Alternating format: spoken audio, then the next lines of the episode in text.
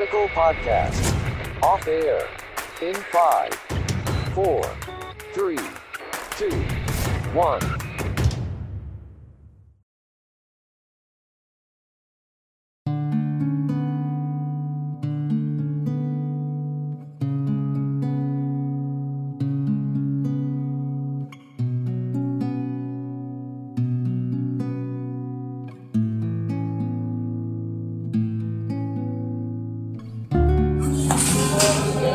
Selamat malam para pendengar setia dari Kal Podcast.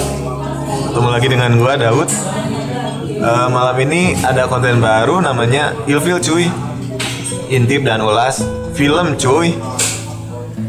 Malam hari ini gua ditemani eh, dua teman gua, Ojan sama Niko nih. Halo. Halo, halo, halo. Cek cek cek cek. Ya. Ya. Ya salah. Malam ini eh, kebetulan kami lagi ngopi-ngopi di Di ini tempatnya rekomend dari gua sih di Ngopilok. Jadi Ngopilok itu kafe di Ciapit. Memang kafe kedai kecil aja gitu. Kamu mau nongkrong ke sini sok aja. Searching di map juga udah udah ada. Haha, promosi cuy. pokoknya kopi di sini recommended lah. Enak Oke. kopinya cuy. Ya, malam hari ini kita bakal nge-review nih film The Interview yang dirilis tahun 2014. Eh, untuk film ini genrenya komedi ya. Film ini dibintangi oleh Seth Rogen,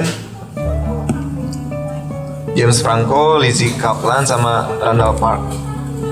Disutradarai juga, disutradarai juga oleh Seth Rogen, diproduksi oleh Seth Rogen, ditulis oleh Seth Rogen. Eh, mereka ini dua dua aktor ini duo ini eh, Seth Rogen sama James Franco ini sebelumnya juga telah membintangi beberapa film ya. Kalau sebelum dari film interview ada film The Pineapple Express sama This Is the End. Spiderman juga ya. James Franco ya. Ya, Jadi kalau Green itu- Goblin. ya, itu kan? sendiri ya. Nah, Siap, siap. Ingat gua cuy. Gue cuma tahu itu doang sih sebenarnya. Eh. Awal-awal karirnya kayaknya. Lu si Dandi nggak lu sebutin bangsat. Sebutin Oh ya ini si Dandi baru masuk ke frame lah istilahnya. Iya. Dia habis kencing tadi. Iya. Dia di konten ini join ya. Join. Di Ilfil join ya. Dia juga udah nonton film ini lah. Assalamualaikum Dude. Apa kabarnya Dude? Nah itu ya suaranya inget-inget. Aduh mati lagi kok. Ya eh, untuk peringatannya kita ada spoiler di review ini jadi yang belum nonton lebih baik nonton dulu lah. Spoiler bro. Nonton Spoiler dulu lah. Spoiler alert. Biar paham. Eh, gua akan ngejelasin plotnya secara umum aja loh ya. Jadi eh, intinya tuh dimulai dari dua orang ini si Skylark sama Aaron punya acara Skylark Tonight lah. Tiba-tiba ada kontroversi pas satu show-nya si Eminem ngaku gay di live TV. Nah itu udah lumayan eh, naikin ratingnya, bla bla bla bla. Eh, singkat cerita, ternyata Kim Jong Kim Jong Un, diktator dari Korea Utara itu ngefans sama acara ini. Nah mereka ngambil kesempatan ini buat diinterview dan ditunggangi lah istilahnya sama CIA.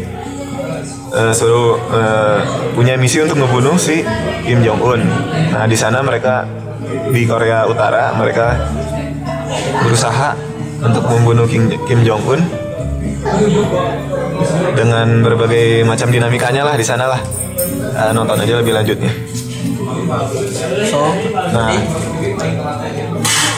selanjutnya mah kita akan ngebedah lah, akan review, mungkin ada kritiknya dari film ini. Mungkin mulai, mulai dari Mas Niko nih, gimana gimana? Dari gue dulu ya. Ya, sok. Sebenarnya gue nonton film ini baru tadi siang ya. Eh, film ini tuh sebelum jujur gue gak tahu juga kalau film ini tuh bagus ternyata. Itu dari dari awal aja gue gue gue udah bilang bagus ya. Gak nyangka kalau filmnya itu bergenre kayak komedi gitu. Komedi. Banyak komedinya daripada seriusnya ya. Iya. pas gua ngeli ngeliat film tuh input dari awal film film itu tuh eh, kata gue sih monoton karena mon bilang gue bilang monoton karena eh, mungkin baru awal film ya nampaknya juga film pasti awalnya juga pasti iyalah Iya, Awalnya iya. alurnya belum pernah. Ini Ojan yang tahu film pasti ya ngerti lah ya. nah, menurut gue waktu si apa sih namanya talk show-nya itu naik banyak banget dinamika dari si produsernya ini yang ngebuat si si talk show ini jadi eh, perdebatan di dalam internal Ya, belakang layar lah. Iya belakang layarnya ya, belakang layar. Nah itu yang bikin gua anjir kata gua tuh. Ternyata di belakang layar si sebuah acara pasti ada ininya lah ya. Nah pertengahan pertengahan nonton yang udah waktu ke si dua-duanya ini ke Korea Utara makin konyol filmnya makin konyol. Udah Iya. makin absurd kan jadi udah benar-benar anjir kata gua. Se sebegininya buat film tentang Korea Utara iya anjir. Gue nggak berpikir nyampe berani buat buat film ini. Seorang sutradara dan penulisnya itu berani buat buat film tentang Korea Utara gitu sih. Mungkin yang yang lain dulu lah reviewnya. Kalau di gue sih segitu dulu. Karena bagus emang bagus. Film recommended banget kalau kalau kritiknya nanti kita bahas-bahas lagi. Oke.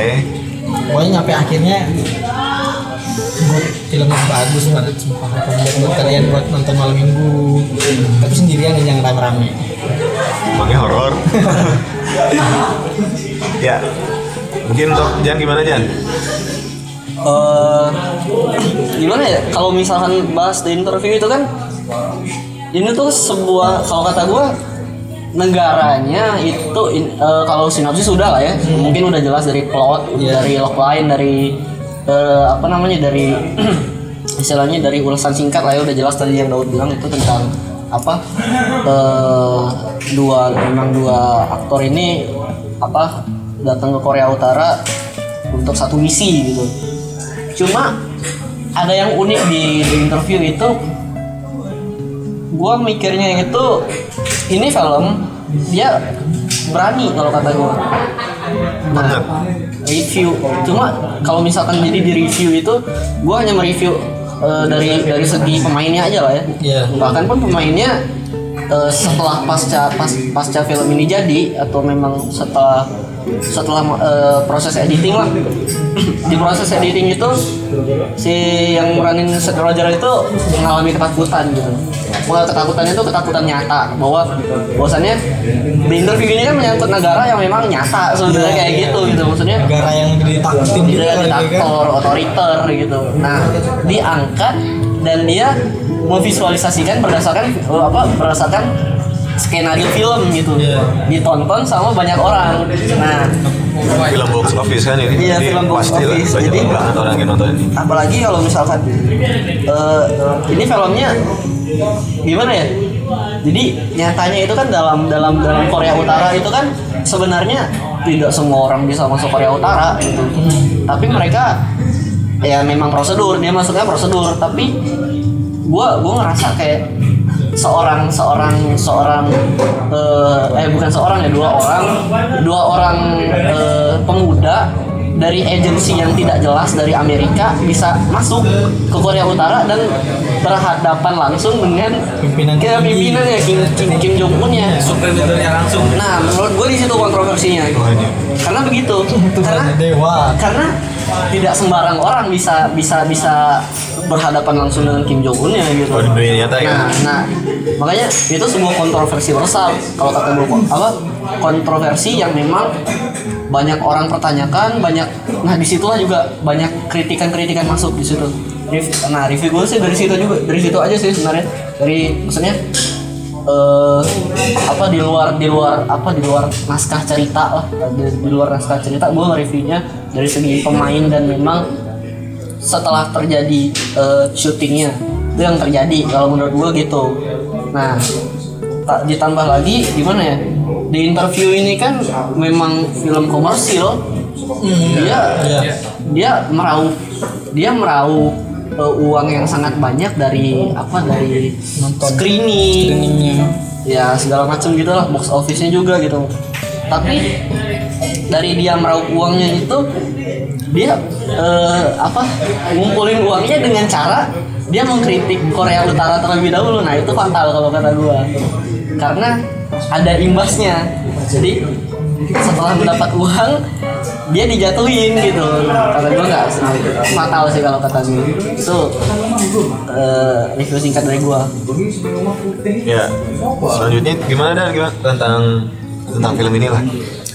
Oke, kalau sedikit review dari gua, gua ingin lebih coba ke jokes-jokesnya dan emang di sini tuh emang filmnya agak untuk 18 plus. Iya. benar benar benar Jadi harus agak-agak memahami lah jokesnya. Ada siurnya dikit ya. Nah, itu.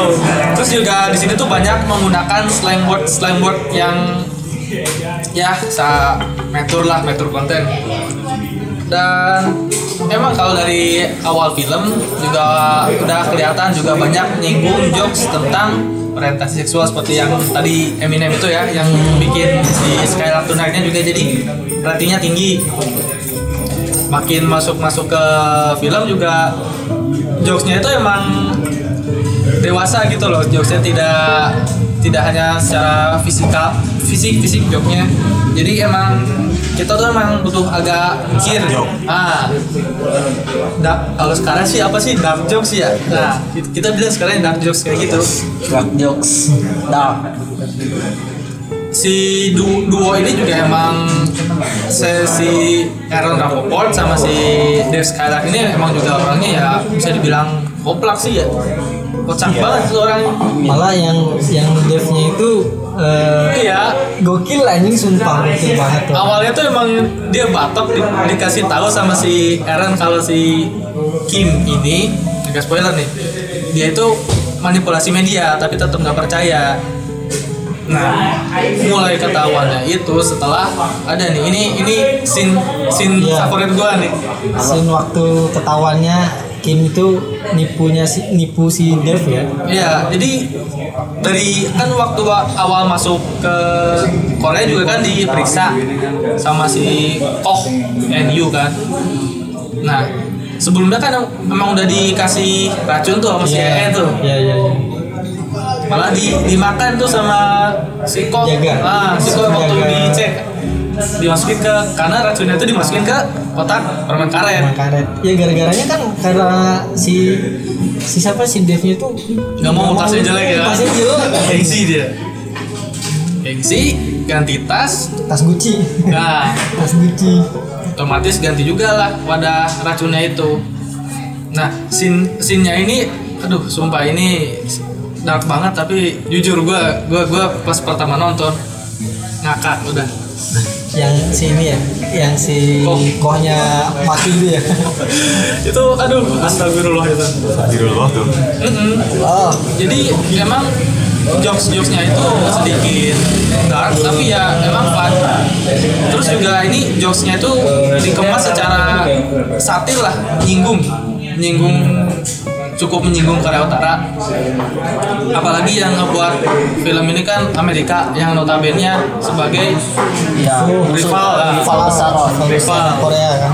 Apalagi saat di 2014 itu situasinya belum se agak ini lah, Iya, gitu. belum ada pertemuan seperti yang kemarin Donald Trump. Masih zaman Obama tuh, 14. Gue gue bilang ini film emang berani, produsernya emang emang berani dia, berani ngambil resiko dengan mengemas filmnya fun, tidak terlalu berbelit, jokesnya menurut gue juga masuk, dan kalau kata gue mau itu si pokoknya klimaksnya itu se- sebenarnya ya ini kan dalam film itu kan ada babak yang namanya klimaks ya. Ya. Jadi kalau kata gue klimaksnya itu ya Pak, bukan bukan final, apa pra final. Jadi jadi pas pra finalnya itu ini pada saat si Davidnya itu ini pergi ke pasar, pergi ke pasar, ngeliat tuh jeruknya Pada palsu sayurnya ya? pada, pada palsu terus dia bilang iru wah, iru." nah itu klimaksnya pa- pada saat Udah mulai. nah, jadi konfliknya bermunculan, Nah, bermunculan. iya, makanya dari pokoknya dari si David itu tahu di dalam supermarket itu semuanya palsu sampai selanjutnya nah itu baru dimulai misi dia tapi sebelum sebelumnya itu enggak. Karena kenapa?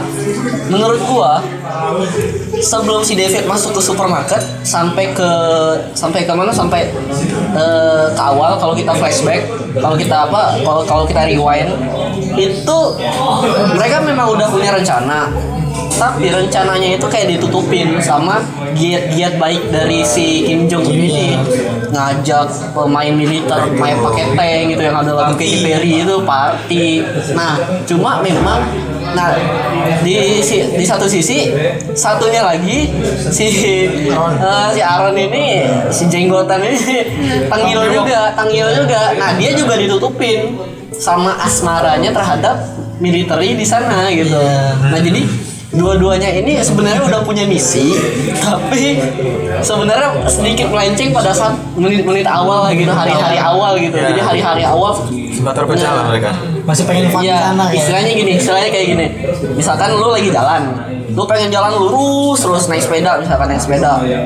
Tapi lu lapar, tapi tetap lu harus jalan gitu demi mencapai apa gitu, kita mencapai finish. Tapi di tengah jalan lu ketemu mamang es krim juga. Lu ketemu mamang es krim ya nggak mungkin lu nggak berhenti. Kalau lu haus udah haus, udah haus. cewek Korea gitu ya Iya, cewek-cewek Korea lagi ya. ya Nah, yang, yang jujur di luar bayangan kita Iya. awalnya. Apalagi di satu sisinya. Nah, tambah lagi kalau misalkan si Davidnya itu yang memang seorang seorang apa seorang kayak host atau apa eh, iya reporter Ya. news gitu datang dikasih bawa eh, si Kim Jong si Kim Jong Un contohnya ke bawah dalam tank gitu. ya nggak bakal nggak mau coy kalau kalau gua sih kalau memang nyata ya gua pasti mau aja jarang-jarang kan? Tapi jarang-jarang nah itu Baik, kita sama Kim Jong Un. Nah, pokoknya- tuh. Nah, pas di tanknya eh kok gini Iya. Nah, sebenarnya kata gue sih klimaksnya sih pada saat si David udah masuk ke supermarket, udah semuanya dikasih tahu tuh. Aaron juga dikasih tahu macam. mulai di situ kan dia udah mulai kembali ke rencana awal Nah, iya. Nah kan pertamanya dia eh, nggak mau ngebunuh si Kim pas masuk supermarket eh balik lagi ke rencana awal Iya, kan Cuma pas Iya. ini ngebunuh si Kim ini kan eh, apa namanya otak-otaknya juga CIA juga kan nah gue yang klimaksnya itu waktu ini yang lucu ya yang joknya lucu banget menurut gue tuh waktu si Dave-nya itu digodain sama itu apa teteh-teteh CIA teteh-teteh Nggak, cewek-cewek cewek-cewek militer, cewek cewek militer. polisi CIA gitu kan. Polisi, militer, militer. Iya, militer. Nah. Terus enggak waktu awal kan pakai kacamata tuh. Gue Iya, iya. gue ngeliatnya jujur aja gue ngeliatnya anjir seksi banget gitu.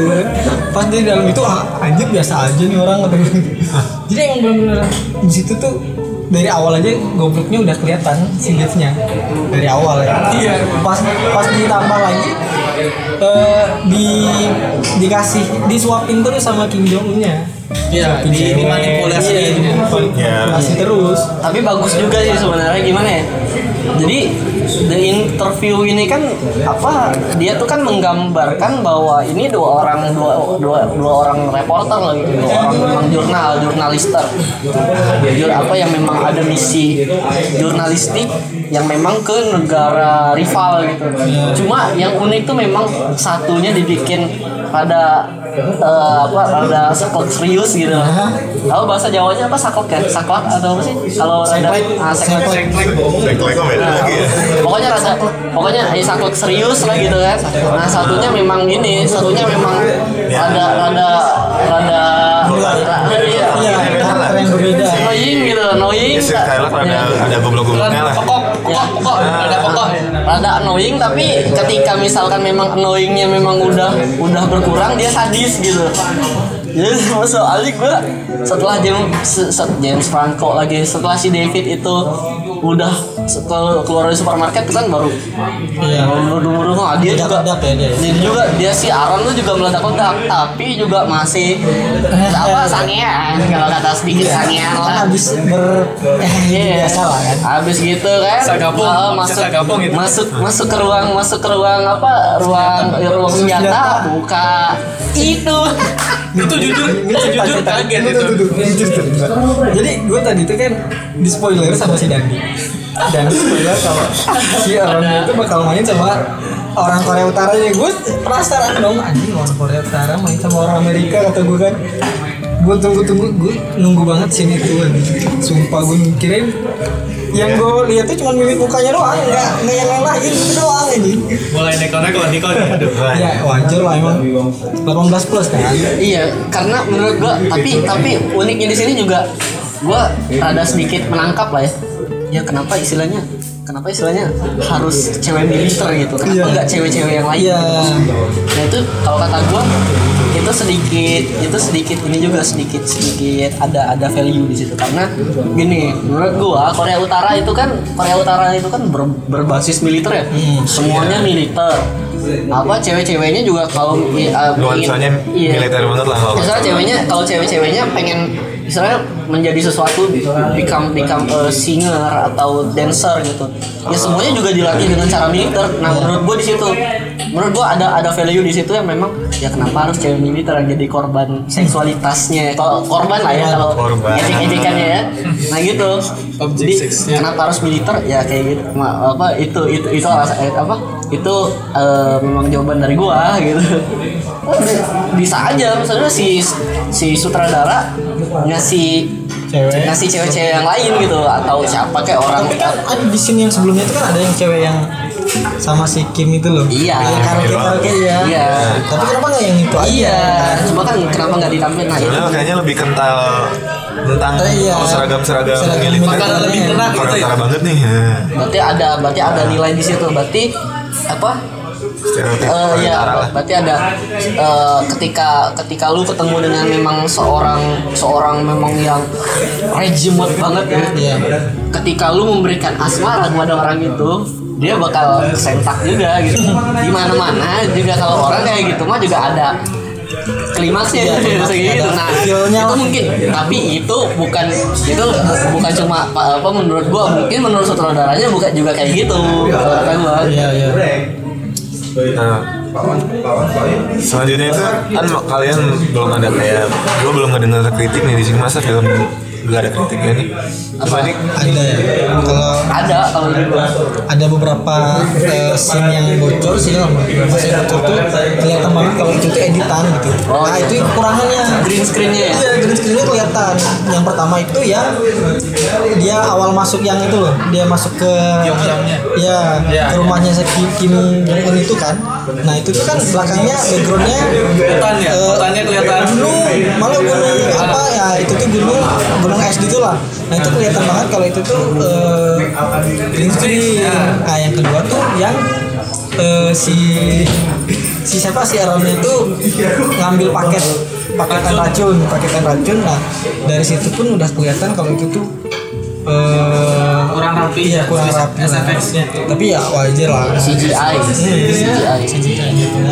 Kalau dari gua tuh sebenarnya kritikan ini mah bukan dalam segi tadi Niko udah memang memang iya gue setuju Iya. gitu. Tapi kritikan gua tuh buat eh, apa ke depannya.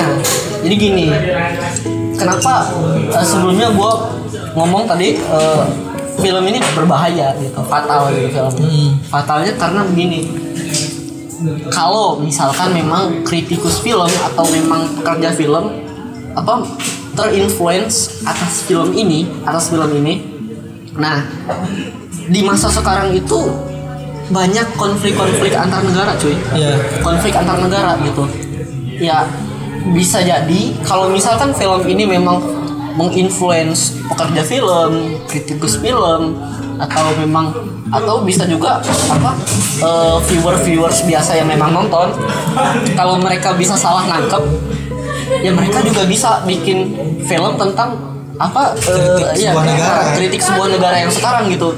Dan ini bakal berkepanjangan. Nah jadi secara nggak langsung film ini itu kayak meref- merefleksikan kita untuk mempropagandai eh, kejadian-kejadian nega- di negara-negara sekarang gitu. Jadi jangan ja- kalau menurut gue mah jangan jadi jangan jangan melihat eh, film ini sebagai propaganda. Memang betul gitu. Memang betul film ini memang berbau propaganda. menurut gua kayak mengadu domba, kayak mengadu domba. Toh toh istilahnya kayak gini. Korea Utara memang udah jelas nonton ya. Korea Utara udah jelas nonton. Tapi begini loh. Sampai sekarang. Ini kan filmnya tahun berapa sih? Lupa gue 2014. 2014 kan? Mungkin mereka udah udah udah udah udah nonton tahun 2013 oke. Se- berarti sekarang udah berjalan sekitar eh, 5 sampai 6 tahun lah ya. 5 sampai 6 tahun. Dan mereka juga nggak pernah mengungkit hal itu. Mungkin oke. Iya. oke udah udah kita terima aja gitu. Oke terima aja. Tapi makanya tadi kata gue kalau misalkan memang ini film di apa ditonton atau memang di apa menginfluence pekerja film tan eh, tanpa mereka menggunakan istilahnya menggunakan common sense lah gitu. Karena ini kan banyak value-nya banyak semiotikanya juga gitu. Ini bakal fatal kalau menurut gua karena bakal ini apa dia mengungkit masalah konflik-konflik tuh bakal berkepanjangan dan nggak bakal ada habisnya. Contoh misalkan tahun ini ada yang terinfluence dia nonton apa eh, dianya tuh anggaplah sutradara sutradara di eh, satu agent di negara lain nonton dan situasi sekarang misalkan Suriah atau AS sama Cina bisa aja ya perang dagang bisa aja. Dia bikin masalah film ini dijadikan apa apa misalkan AS sama Cina dijadikan film untuk ini untuk propaganda juga. Nah terus influence lagi tahun depan berkepanjangan lagi. Belum tahu tahun depan misalkan Israel sama Palestina amit-amitnya belum belum selesai. Bakal ada film Israel Palestina juga gitu masalah. Mak- maksudnya gini ini film pakai skenario. Ini filmnya komersil dokumenter mah banyak. Eh, nggak masalah it's okay kalau dokumenter. Tapi kalau misalkan ini skenario filmnya memang eh, apa science fiction dan ini mengeluarkan budget yang sangat banyak itu nggak etis banget kalau dijadiin sebuah film. Kalau misalkan misinya untuk propaganda gitu seperti yang di interview lakuin gitu. Makanya kita hanya jadi menurut gua kalau kalian mau nonton film ini ya jadikan ini eh, edukasi aja lah menurut gua. Jadikan ini sebuah nilai nilai edukasi yang memang gimana ya ini loh yang terjadi sebenarnya gitu. Realitanya kayak gini loh gitu. jangan kalian jadikan gacoan ini wah anjir ini ini sutradaranya berani banget bro. Kita harus bikin film kayak gini nih jangan kayak gitu. Itu itu mah bakal menambah bakal menambah apa persaingan persaingan atau perseteruan lagi kalau menurut gua? Kalau gua kalau gua boleh jujur AS dan Korut memang memang berseteru. Apalagi dengan adanya film ini. Mungkin aja tanpa sepengetahuan kita mereka juga bersitegang gitu. Nah gua nggak mau gua sebagai misalnya gua di sini masih bekerja apa sebagai filmmaker gitu. Gua nggak mau gua nggak mau hal ini terjadi lagi dalam interview ini. Ya cukup cukup di sisi edukasi aja lah sisi edukasi aja pengetahuan knowledge gitu. Gitu aja sih kalau kata gua. Tapi eh, berani banget ya dia tuh eh, apa namanya si sutradara dan penulisnya ini benar-benar nge- nunjukin kalau ini tuh sisi perantaran gitu kan. Jadi kayak ya bener propagandanya tuh kelihatan banget di situ tuh. Jadi kayak eh, untung aja untung aja si Kim Jong Un ini nggak nggak ngedendam sampai sekarang ya. Mungkin kalau Terlalu sekarang- trigger. iya kan terlalu wah aneh bukan aneh ya bahaya bahayanya tuh eh, di kedua negara ini takutnya nuklir. Punya dua-duanya nuklir. Iya apalagi udah nuklir ya. Udah. Ngomong nuklir. Berabe dong urusannya senjata paling mematikan di dunia kan? Nuklir jatuh ke AS impactnya ke Eropa. Eropa. Nah, AS itu negara adi, abida, ya apa adidaya Ya pokoknya nggak lucu lah perang dunia 3 gara-gara film ini. Nah, itu itu lucu. hancur juga imbasnya juga tetap Indonesia lagi bos. Iya makanya. Makanya jangan ya pakai common sense lah nontonnya mah jangan jangan hanya Iya. ah pasti kan kita harus bikin film kayak gini. Jangan. Aja. jadikan edukasi Ya, aja. Jadi jadikan edukasi. Apa istilahnya? Kalian mengungkit mengungkit konflik silahkan tapi nggak dengan cara skenario kayak gini. Ini ini filmnya soalnya berani banget. Dan mungkin juga fil- film ini apa diproduksi atas persetujuan dari negara-negara juga ya. Mungkin bisa jadi PBB juga turun tangan. Turun tangan. turun tangan dalam masalah film kayak gini. Bisa jadi. UNESCO juga. Kayak gitu kalau kata gua. Gimana dan piye piye piye Kalau gua nih eh, mungkin sedikit ke jalan jalan cerita sama karakternya. Soalnya gua waktu di awal-awal film kan habis siaran itu kan ada pesta tuh. Ya. Nah, partinya itu. Nah, terus si si Aaron ini ketemu sama Jake apa siapa tuh rivalnya yang di acara lain. Ya. Nah, gua Ya, produser produser lain Nah, ya. lebih serius Nah, acara yang lebih serius, gue ngerasa si karakter Jacknya ini kurang kurang apa ya? Kurang ada impact untuk Ya, menimbulkan cuma sekali gitu. nantang dia lu, Kurang nah, lu berani gak nih Kurang menggigit. uh, jadi produser untuk acara yang lebih serius? Lu kan nih uh, talk show-nya cuma apa? Yang kontroversi-kontroversi Iya. doang. Berani gak lu bikin yang beneran serius? Nah, itu juga menurut gue kayaknya kurang apa ya? impactnya kurang terasa lah untuk untuk eh, menjadi awal dari perjalanan mereka untuk interview sama Kim Jong Un ke Pyongyang. Nah terus juga karakternya terlalu terfokus sama emang karakter utama dong kayak pemeran pendukungnya menurut gua kurang sedikit dieksplor sih kayak mungkin yang cewek Enggak, yang pema yang kunci yang bikin eh, efek domino kayak si Oh Enyu kan kalau dia matinya juga dia kan tragis dark ya kocak. Ya di sini tuh juga jadi si Kim Jong Un juga marah kan ngacem trigger untuk ngancurin dunia. Kalau buktikan gue gue ini Kim Jong Un nih, gue bakal gini-gini, udah amat yang lainnya hangus. Nah itu karakter si ajudannya itu juga menurut gue kurang ya? kurang klimaks ya menurut gue juga dari kalau karakter sebenarnya karakter Kim Jong Unnya juga sebenarnya bukan kurang sih. Sebenarnya mungkin ini ada satu ada ada satu sifat yang memang ditutupkan sama pembuat filmnya atau atau pro- produser filmnya kalau kata gue nah penyesuaian mungkin mungkin makanya yang untuk penye- penyesuaian. Karena gini Kim Jong Un tuh nggak kayak gini bro iya nggak nggak kayak di film bro kita aslinya kita nggak nggak tahu sama sekali mungkin Iya Kim Jong Un itu kalau kalian tahu aslinya, gua gua kebetulan kan memang kita kita semua makanya kita semua kita semua orang-orang yang apa belajar di jurusan HI. Iya. Kita tahu lah Kim Jong Un itu gimana. dunia Iya. internasional yang kita pelajari kan Jadi Kim Jong Un itu kalau misalkan gua dia curiga sama orang, dikit aja curiga tembak. iya Dia di sini dia tuh sebenarnya udah menanamkan kecurigaan sama dua orang ini. Tapi dimain-mainkan sama dia dulu. Nah, itu saat mungkin itu mungkin kata gue itu adaptasi yang kurang etis kalau kata gue. Jadi ini kan ini ini ini film dia apa dia em, apa bi- em, membuat statement bahwa film ini film yang wah realita adanya ini seperti ini tapi memalsukan oke cuma dengan cara karakter kayak gini menurut gue juga nggak benar karena gini yang lu palsuin tuh bukan orang main-main coy. Iya. Gila lu. Dia tuh diktator. Supreme leader of North Korea. Iya. supreme leader. Kalau kalau kalau kata iya. Kalau kata dosen kita ada satu dosen kita. Iya. kalau kata dosen kita sensornya bahaya bahaya dia ngomong kalau misal se sediktatornya si Kim Jong Un kalau dia lagi galau pencet nuklir udah meledak iya iya iya Nah, iya iya iya. Gitu.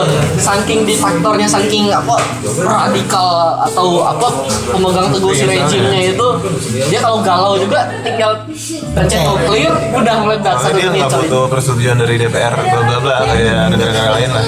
Supreme leader bro ya nggak perlu lagi ada na- namanya musyawarah kalau di situ Langsung. kan langsung ya langsung curiga dikit kalau lagi mabok nyenggol dikit. Boom. Ya. iya. Itu berarti kan Mati. di sana tuh kalau mungkin bawahan staff-staff dia tidur pas rapat mungkin ditembak mungkin ya Memang iya. Ada beritanya soalnya. habis udah habis nggak kayak nggak kayak di Ada yang rapat, ketahuan tidur dia sendiri yang nembak. iya Bisa dicek di beritanya di Google lah. ya Gitu. eh Ya. Kalau menurut di mana ya ada yang tidur ya udah kenapa tidur aja Kalau menurut gua terakhir dari gua eh, sebenarnya film ini tuh eh, ringan lah ringan ditonton. Eh, kalian nggak terlalu banyak mikir. Kalau film ini ringan menghibur. Tapi menurut gua eh, awal-awalnya tuh monoton lah. Jokes jokesnya juga banyak yang terkesan maksa ya eh, untuk eh, seluruh eh, filmnya sangat tipikal Seth Rogen banget kalau menurut gue jadi banyak kegilaan-kegilaan yang terjadi di sana sini karakter karakternya yang kuat. Terus eh, menyinggung Ojan yang poin Ojan yang tadi sampaikan di King Kim Jong Unnya juga menurut gua unik sih di karakter Kim Jong Un kita bisa ngelihat kan kalau di media tuh Kim Jong Un tuh digambarkan sebagai sosok yang menakutkan. Pokoknya serem lah. Soalnya eh, memang dia punya militer yang kelihatannya banyak suka dipamer-pamerin. Tapi di film ini tuh dia lebih kelihatan lah lebih banyak sisi-sisi manusianya gitu. Dia bisa nangis dia bisa ketawa lepas dia juga suka party. Suka lagu Pokoknya sisi-sisi yang gak bakal terpikirkan oleh kita dunia di manusia. Nah menurut gua itu unik sih dikemasnya tapi menurut gua eh, ceritanya memang eh, ya biasa aja sih kalau secara cerita sih ya. Tapi yang banyak eh, hal-hal yang unik yang lain lah. Nah yang terakhir nih Eh, gua mau nanya ke kalian nih, eh, kalian kalau ngasih skor dari 1 sampai 10 tentang film ini berapa nih? Gimana nih berapa? kalau gue ya Dari 1 dari 1 sampai 10. mungkin eh, kalau gue langsung aja 8,5 langsung lah Wah, besar. langsung aja Gila. langsung lah Mantap, mantap. kalau kata gua gimana Tinggi ya? ya, 85. gua eh, sebelum rating gua pengen ngacungin jempol juga sama dari interview ya Eh, aplaus banget soalnya gimana ya dari segi sutradara. iya maksudnya mereka memang fatal tapi untuk keberanian juga diacungi jempol kalau kata gua. Iya, mereka iya. melewati prosedur yang memang harus dilakukan perizinan yang harus dilakukan itu membutuhkan waktu lama bro. Dan juga nggak main-main gitu.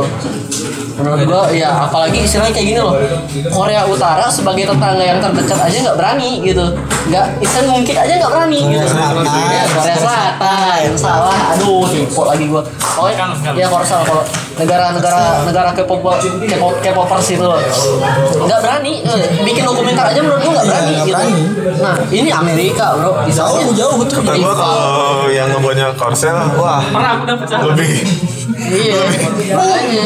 lebih sensitif lah kalau yang buatnya Korsel. Ya soalnya gimana ya? Dari Korsel sama Korut pasti ada lah sisi diplomasinya pasti ada.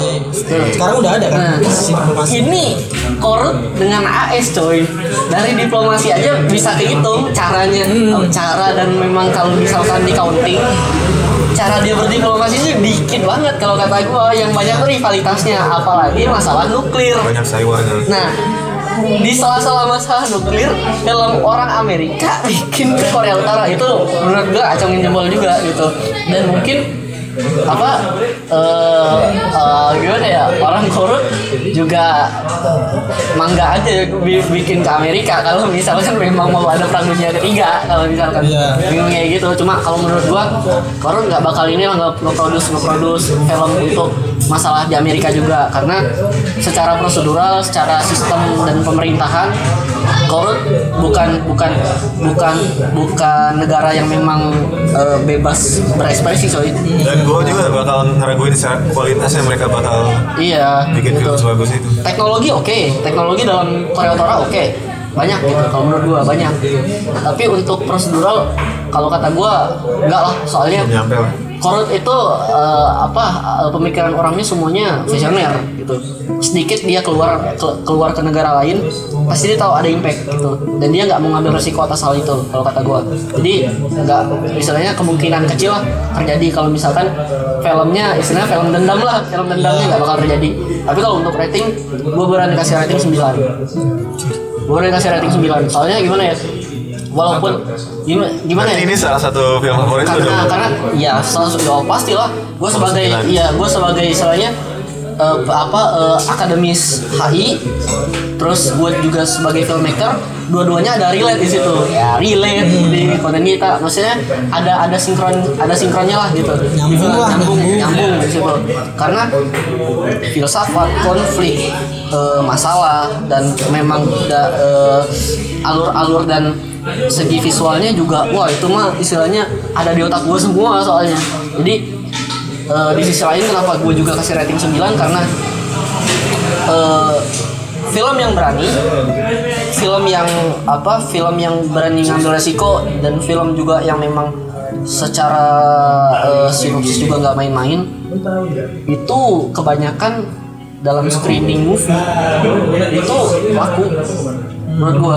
Dan bahkan juga gua berani bilang kalau misalkan gue interview masuk screening lagi misalkan eh, diadain sama eh, satu dunia mungkin interview salah satu film yang ratingnya tinggi kalau menurut gua gitu. Karena ya begitulah eh, apa penilaian dari pekerja film penilaian dari juri-juri yang memang ketika mau ngadain screening kayak gitu. Sembilan kalau kata gua. Gimana dan? Oke, gue nih sebagai mahasiswa dan orang umum, mahasiswa Iya, orang umum yang Suhai. Nah, yang nggak terlalu nggak ada skill di bidang film atau apa, mungkin ya sebagai penikmat saja ya. Sebelumnya gue juga ngatain ini tuh emang kontroversial, soalnya lu berani ngerosting, ngerosting Supreme Leader dari Korea Utara. Sedangkan lu Amerika rival, lu, lo- lu roasting pakai film, aduh.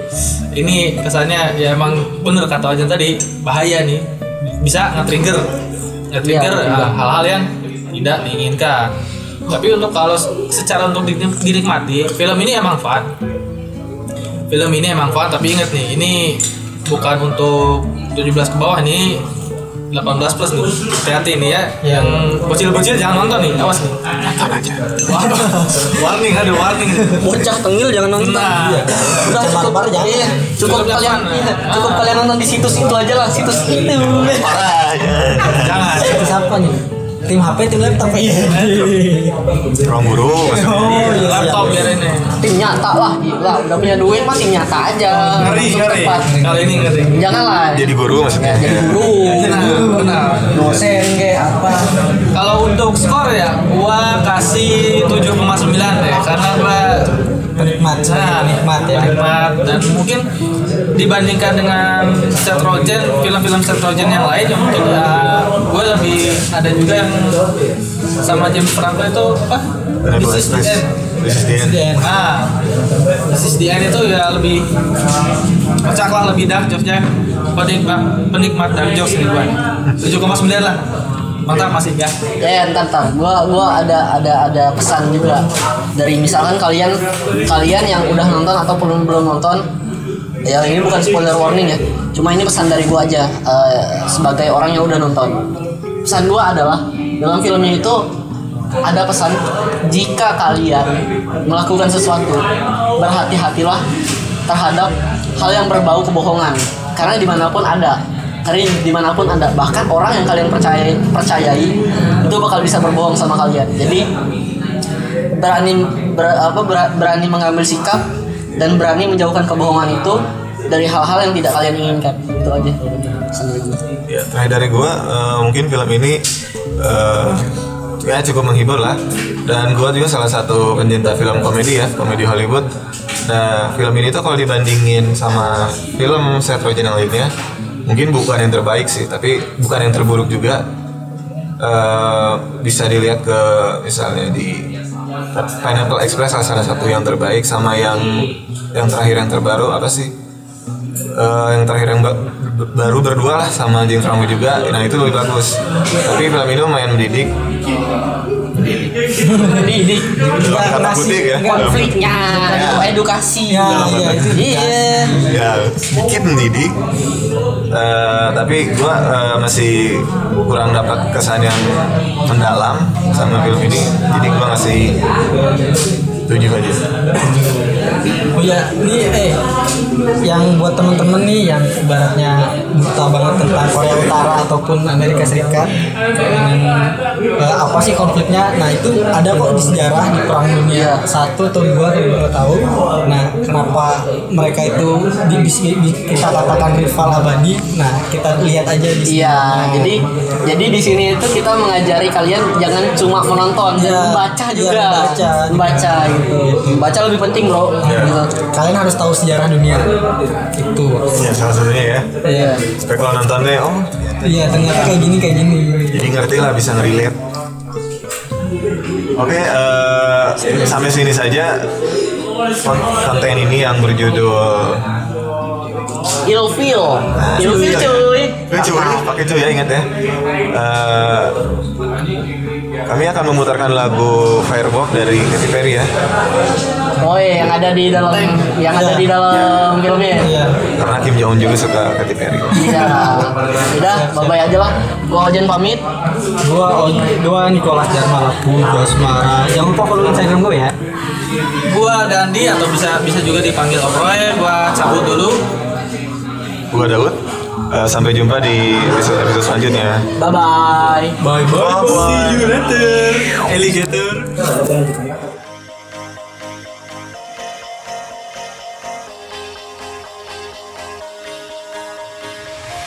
Do you ever feel like a plastic bag drifting through the wind, wanting to start again?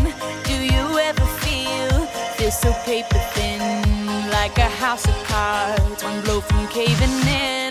Do you ever feel already buried deep, six feet under screens, but no one seems to hear a thing? Do you know that there's still a chance for you? Cause there's a spark in you. You just gotta ignite the light